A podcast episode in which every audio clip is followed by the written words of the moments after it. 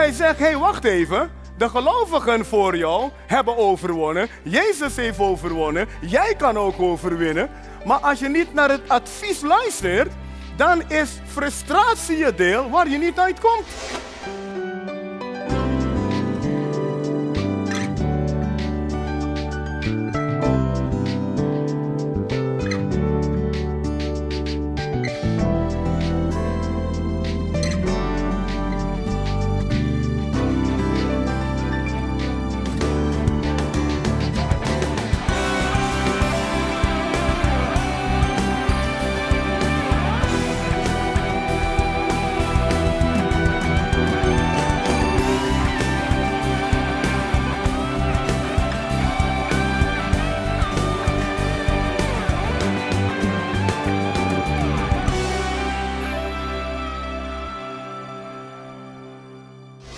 Heel hartelijk welkom bij Levende Steen Ministries, waar Apostel Holder spreekt over de uitdaging van ons geloof.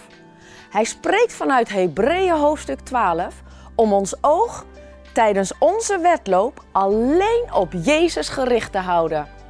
Hoofdstuk 11 van deze prachtige brief laat ons veel helden zien die hun wedloop en het gevecht wat daarmee gepaard ging met succes gelopen hebben. Terecht worden zij de geloofshelden genoemd, want ze zijn door het gevecht gegaan en hebben overwonnen. Deze helden zijn een geweldig voorbeeld voor ons. Ook ons geloof wordt uitgedaagd. Maar als we doen wat de Bijbel zegt, kunnen ook wij een geloofsheld zijn die overwint. Veel zegen.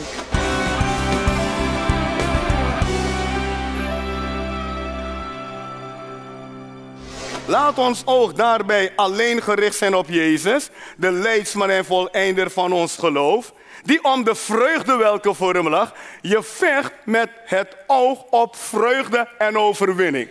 Want jouw gevecht brengt vreugde voort en overwinning. God gaat je verhogen. Let op. Die om de vreugde welke voor hem lag, het kruis op zich genomen heeft. Is dit een feit of niet? Dus we zien hier ook de, de feit van Jezus. Zie je? Hij laat je eerst de fight zien van al de gelovigen in Hebreeën hoofdstuk 11. En dan laat hij de fight zien van Jezus. Hij zegt ook, hij had een fight. De grootste fight zelfs. Grootste gevecht. Hij heeft het kruis op zich genomen. En de schande heeft hij niet geacht. Dus dat is zijn gevecht. Maar omdat hij gevochten heeft, let op het tweede gedeelte van zijn overwinning. En hij is gezeten aan de rechterzijde van de troon van God. Dus Hebreeën hoofdstuk 12 laat me een fight zien. Hij laat me een fight zien voor gelovigen in Hebreeën hoofdstuk 11. En hij laat me de overwinning van hun zien. En dan zegt hij, ook jij moet nu doen wat zij gedaan hebben. Vervolgens gaat hij dieper om ons te laten zien dat ook Jezus een gevecht had. En dan zegt hij, hij heeft kennelijk goed gevochten, want kijk naar zijn beloning. Hij is gezeten aan de rechterzijde van de troon van God. Kunnen we de Heer glorie geven, mensen? Wauw. Wauw. Nu, en dan staat er, hij is de leidsman en voleinder van ons geloof. Wat betekent dat nou? U moet goed begrijpen wat er aan de hand is. Nummer 1 zien we dat alle gelovigen die voor ons gegaan zijn, een, een gevecht hadden. En de Bijbel zegt, het zijn geloofsgetuigen. Het zijn mensen die hebben laten zien, als je op God let, kan je overwinnen. Vervolgens laat de Bijbel ons zien dat Jezus ook gevochten heeft en dat hij ook heeft overwonnen. En dan roept de Bijbel ons op nu om te kijken naar wie hij voor ons is. Want de Bijbel zegt, laat je oog alleen op hem gericht zijn. Nou, maar voordat ik dat doe, eerst dit. Wat is zo bijzonder aan de Heer Jezus? Er staat, hij is de leidsman en voleinder van ons geloof. Wat betekent dat? Nummer 1 betekent dat, hij is ons op de weg van het geloof voorgegaan. Hij is de leidsman van ons geloof. Een leidsman gaat voor. Kan ik amen horen? Hij is de gids van ons geloof. Een leidsman gaat voor. Dus hij is op de weg van het geloof ons voorgegaan. Hoeveel hier weten dat Jezus de hele weg gelovig op God heeft gezien? Hoeveel hier weten dat Jezus de hele tijd zich niet heeft laten ontmoedigen, maar zich heeft vastgehouden aan alles wat geschreven staat in de Bijbel? Hoeveel hier weten dat Jezus heeft geloofd dat alles wat over hem gezegd was uit zou komen? En hoeveel hier weten dat de omstandigheden het vaak tegenspraken? Zijn discipelen begrepen hem niet, de Romeinen snapten het niet, de godsdienst was tegen hem, maar hij heeft niet losgelaten wat God hem had opgedragen om te geloven. En daardoor heeft God hem verhoogd. Want als je vasthoudt aan wat God zegt, is God verantwoordelijk om jou te helpen. En God is betrouwbaar. De Heer is getrouw, mensen. Halleluja. Woe! Dit moet de burger moed geven, toch? Dus, hij is op de weg van het geloof ons voorgegaan en de voleinder van ons geloof. Nou, wat betekent dat? De voleinder van ons geloof betekent, hij kan ons geloof naar volmaaktheid brengen. Dus je hebt de Heer Jezus als coach in je geloofsleven, zodat je een krachtige gelovige wordt. Hoeveel zijn blij daarmee? De Heer Jezus is je coach. In je geloofsleven is Hij de beste coach die er is. En Hij coacht ons door de Heilige Geest. Hij coacht ons door zijn woord. En hij brengt je naar een overwinnend geloof. er staat de volmaaktheid van je geloof. Dus u en ik hoeven nooit in paniek te zijn over ons geloofsleven, want de beste coach is aan boord. Zijn naam is Heilige Geest. Halleluja. Hoeveel hier zijn blij met de Heilige Geest? Laat hem het horen. Halleluja. Wauw. Oké, nou luister. En dan zegt de Bijbel, laat ons oog alleen op Hem gericht zijn en vestigt uw aandacht op Hem. Nou, laat ik u snel laten zien hoe de Bijbel in balans is. Want Hij laat me het gevecht zien van de gelovigen die voor mij geweest zijn. En Hij laat me hun overwinning zien omdat ze dicht bij God zijn gebleven. Vervolgens laat hij me Jezus zien in een gevecht, het grootste gevecht aller tijden. Hij is naar het kruis gegaan om de mensheid te bevrijden. En hij laat me zien dat God hem verhoogd heeft boven alle naam en hem gezet heeft aan de rechterhand van de Vader. En dan zegt hij, maar wees opmerkzaam, want als je het advies niet opvolgt wat ik je geef, kom je in een soort matheid terecht. Kom je in frustratie terecht. Is de Bijbel eerlijk of niet?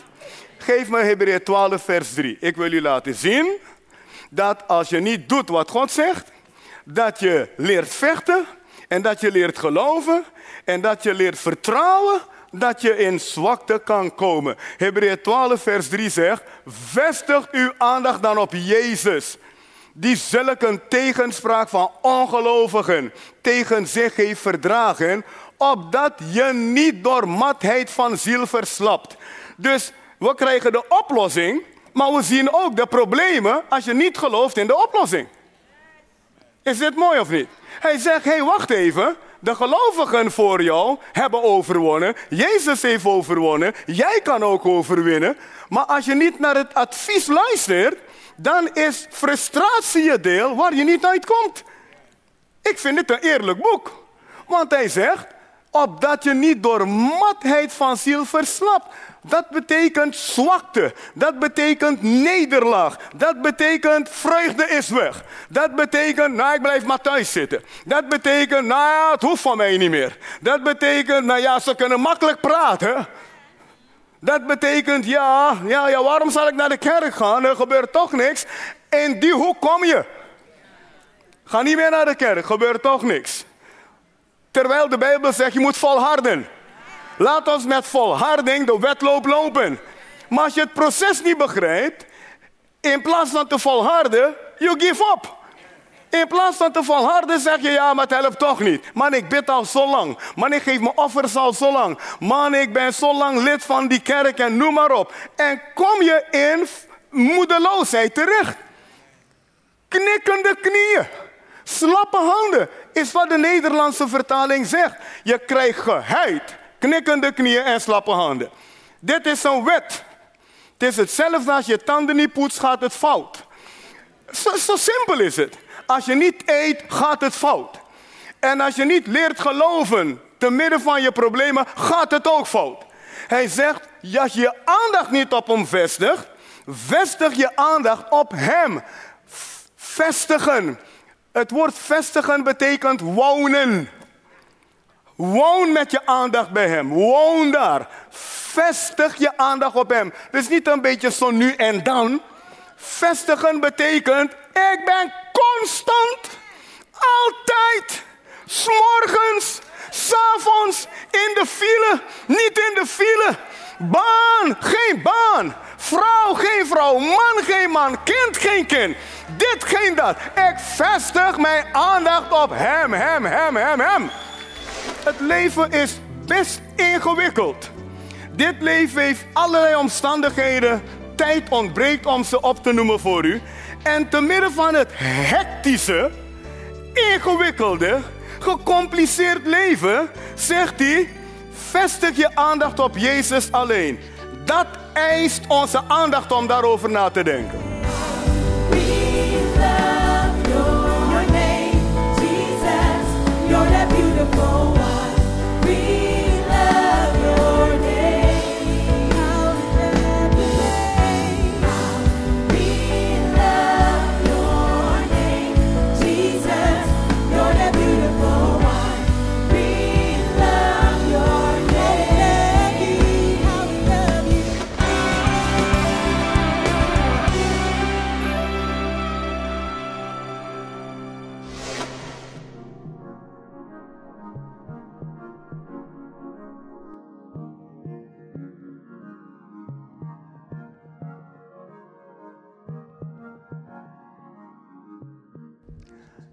Hartelijk dank voor je tijd.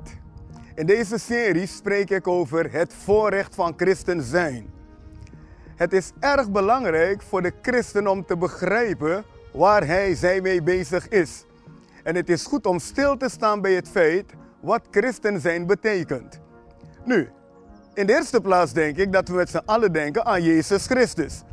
Dat betekent christen zijn. Ik geloof in Jezus Christus. Nu, wie was hij?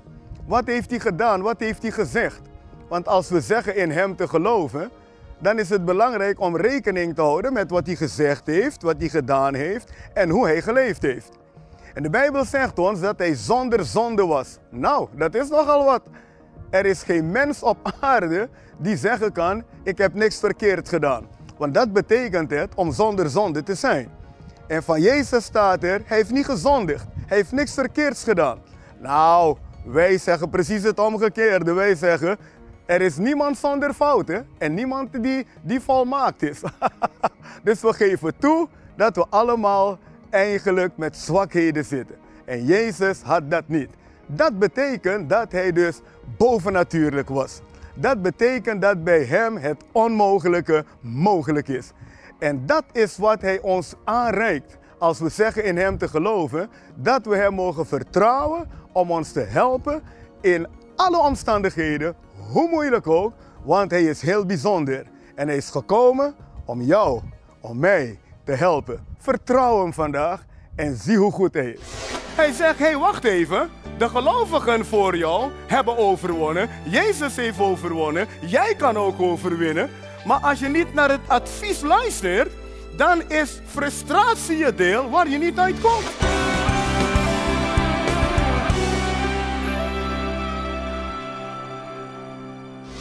Hoeveel zien dat dit betekent maak een beslissing? Make a choice. Zit niet iedere keer als een yo-yo-christen op en neer te gaan. Wanneer het goed gaat, ben je blij. Wanneer het niet goed gaat, zit je in de mineur. Maak een keus van ik blijf op God zien. Maak een keus van en toch blijf ik vertrouwen. Maak een keus van ik geef nooit op. Maak een keus van Mozes heeft overwonnen, David heeft overwonnen, Elia heeft overwonnen, Rut heeft overwonnen, Han heeft overwonnen en ik zal ook overwinnen, want hun God is mijn God. Oh halleluja. Man, dit vind ik zo bemoedigend vandaag voor ons allemaal. Woe! Halleluja. Zo. Hij is de weg van geloof gegaan en hij kan ons brengen tot volmaaktheid. Hij kan ons geloof super overwinnend maken. En als je dat niet doet, kom je in zwakte terecht. Oké, nou zegt de Bijbel, laat uw oog alleen op hem gericht zijn, staat er. Hier, laat je oog, laat ons oog daarbij alleen op hem gericht zijn. Ik hoop dat u ziet dat wij allemaal het gevecht hebben, want hij zegt ons oog. Ons oog. Met andere woorden, elke gelovige gaat hier doorheen. Laat ons oog daarbij alleen gericht zijn op Jezus. De leidsman en voleinder van ons geloof. Het woordje uh, alleen op Jezus gericht zijn vraagt om mijn aandacht. Want het leven is best ingewikkeld. Dit leven heeft allerlei omstandigheden. Tijd ontbreekt om ze op te noemen voor u. En te midden van het hectische, ingewikkelde, gecompliceerd leven, zegt hij: vestig je aandacht op Jezus alleen. Dat eist onze aandacht om daarover na te denken. Want wat is zo bijzonder aan Jezus? Dat te midden van het hectische leven, te midden van het ingewikkelde leven, God zegt: let alleen op Hem. Dan moet de man bijzonder zijn. Mensen kunnen kunnen. Hey, hey, hey, hey, hey, hey, hey, hey. Er staat niet, laat je aandacht alleen gevestigd zijn op de regering. Dank God voor de regering. Maar er staat niet, want elk land heeft een regering nodig. Maar er staat niet, laat je aandacht alleen gevestigd zijn op de regering. Er staat niet, laat je aandacht alleen gevestigd zijn op de arts, op de dit, op de dat. Allemaal mensen die nodig zijn. Allemaal mensen die, die, die een plek hebben in de samenleving. Dat erkennen wij en dat respecteren wij. Maar te midden van al die belangrijke mensen komt God en hij schuift Jezus naar voren. Hij zegt, te midden van dit alles, laat jouw oog op Hem gericht zijn. Dan zeg ik, waarom Hem? Ik wil weten waarom Hem. Want ik moet nu al mijn troeven op Hem zetten.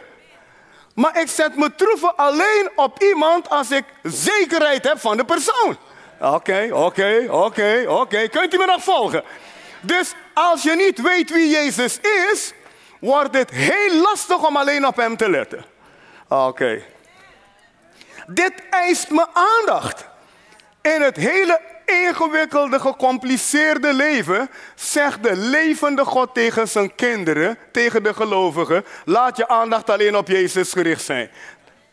In wat voor uh, situatie je ook bent, wat je beroep ook mag zijn, wat je kwaliteiten ook mag zijn. Wat de probleem ook mag zijn, richt je aandacht op hem. Dan moet de man groot zijn.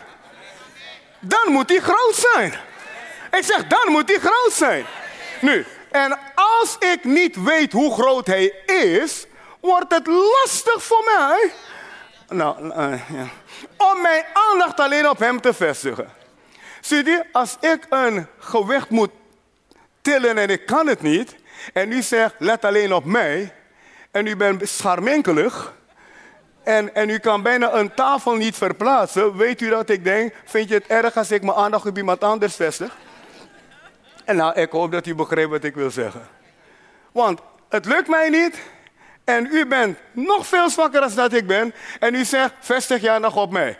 En u gaat met dat ding aan de, aan de haal en het lukt niet. Begrijpt u dan dat ik zeg, joh, je wil mijn aandacht hebben, maar sorry, dit ding moet verplaatst worden. Ik ga iemand zoeken die die klus kan klaren. Dus mijn vraag is, kan Jezus de klus klaren? de vraag vandaag is, kan Jezus de klus klaren? Ik heb antwoord voor u, hij heeft de klus geklaard. Kunnen we hem glorie geven? Kunnen we hem glorie geven? oh, rakatata rasoko. Hij heeft de klus geklaard. Hij is naar het kruis gegaan. Hij heeft de schande niet geacht. Hij heeft alles verdragen. Hij heeft uitgeroepen: Het is volbracht. Ze hebben hem begraven drie dagen lang. En daarna stond hij weer in hun midden. Hij zegt, hier ben ik. Ik ben Alpha, ik ben Omega. Ik ben de opstanding, ik ben het leven. Ik heb de sleutels van de dood en de dodenrijk. Op die man kan ik vertrouwen.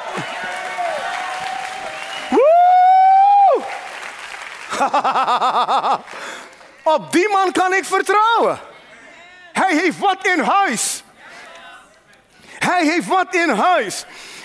Luister, er wordt een oproep op, ons gedaan als er gezegd wordt: laat je aandacht en je oog alleen op Jezus gericht zijn. Wordt er een oproep gedaan op mij om alles van Hem te verwachten. Door, door, door, als de Bijbel zegt, laat je aandacht alleen op Jezus gericht zijn, dan wordt van mij verwacht dat ik alles van Hem verwacht. Of ik een ingenieur ben, een arts, een, een stratenmaker, een loodgieter, een, een onderwijzer, verpleegster, huismoeder, huisvader, maakt niet uit. Ik mag alles van Hem verwachten in mijn beroepsgroep, in mijn persoonlijk leven, in mijn omstandigheden. God heeft hem die plek gegeven. Want een man die de dood heeft overwonnen, wat kan hem nog tegenhouden? Nou mensen, jullie horen me niet. Jullie horen me niet. Een man die de duivel heeft verslagen, wat kan hem nog tegenhouden? Een man die het graf heeft overwonnen, wat kan hem nog tegenhouden? Een man die de hel heeft overwonnen. Ah, mensen. Oh, oh, oh, oh. Hey! Hey! Ik hoop dat u de impact voelt van laat je oog alleen op hem gericht zijn. Dat komt omdat hij heel wat in huis heeft. Nee, laat ik dat corrigeren. Hij heeft alles in huis. Wilt u deze uitzending of andere terugkijken? Dat kan. Ga daarvoor naar onze website www.levendesteenministries.nl Hij zegt, hé hey, wacht even. De gelovigen voor jou hebben overwonnen. Jezus heeft overwonnen. Jij kan ook overwinnen. Maar als je niet naar het advies luistert, dan is frustratie je deel waar je niet uit komt.